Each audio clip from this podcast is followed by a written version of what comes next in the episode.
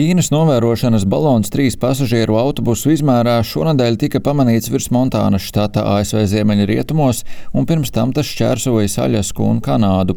Sākotnēji Pentagons paziņoja, ka balons netiks notriekts, jo tā atlūzas var apdraudēt cilvēkus uz zemes. Tomēr, kad balons sestdien jau atradies virs Atlantijas okeāna, ASV kara lidmašīnas veica triecienu objektam. Drošības apsvērumu dēļ tika slēgtas trīs lidostas, kā arī gaisa telpa virs Dienvidkarolīnas krasta. Balona notriekšana tika īstenota dažas stundas pēc tam, kad ASV prezidents Joe Bidenis bija solījis, ka parūpēsies par šo aizdomīgo lidojošo objektu. Baltā nama saimnieks sniedza komentāru arī pēc balona notriekšanas.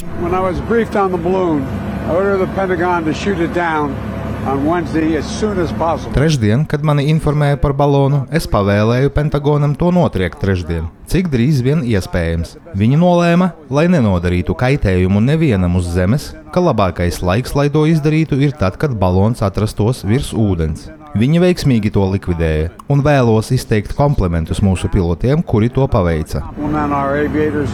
Ķīna šodien paziņoja, ka tā patur tiesības izmantot nepieciešamos līdzekļus, lai risinātu līdzīgas situācijas. Ķīnas aizsardzības ministrijas preses sekretāra Tāna Kefeja paziņojumā teikts, ka ASV izmantoja spēku, lai uzbruktu mūsu civilajam bezpilota dirižablim, kas ir acīm redzama pārmērīga reakcija. Mēs paužam nopietnu protestu pret šo ASV soli. Spēcīgu neapmierinātību un protestu paudusi arī Ķīnas ārlietu ministrija. Ķīna taisnojas, ka balons ir meteoroloģisks lidaparāts, kas aizpūsts no plānotā kursa. Vēl šonadēļ Pekina mudināja domstarpības risināt ar vēsu prātu. Tikmēr Taivāna šodien paziņoja, ka civilizētajai starptautiskajai sabiedrībai nevajadzētu tolerēt incidentu ar Ķīnas gaisa balonu. Taivānas ieskatā šāda Ķīnas rīcība ir pretrunā starptautiskajām tiesībām, pārkāpja citu valstu gaisa telpu un pārkāpja to suverenitāti.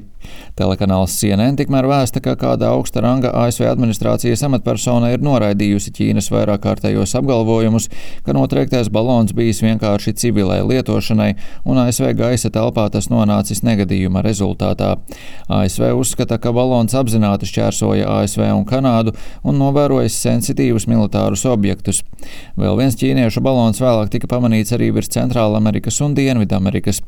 Amatpersona uzsvērusi, ka abiem baloniem bijis novērošanas aprīkojums, kas parasti nav saistīts ar standarta meteoroloģiskajām darbībām vai civilo izpēti. Ķīna gadiem ilgi izmantojusi šāda veida novērošanas balonus, un šādas ierīces iepriekš ir pamanītas piecos kontinentos. Kāda augsta ranga aizsardzības amatpersona telekanālam CNN norādīja, ka Donalda Trumpa administrācijas laikā bijuši trīs gadījumi, kad Ķīnas baloni atradušies ASV gaisa telpā. Toreizējais aizsardzības ministrs Trumpa administrācijā Marks Espers gan paudis izbrīnu, jo neatceroties nevienu reizi, kad viņš par šādiem incidentiem ticis informēts. Rihards Plūme, Latvijas radio.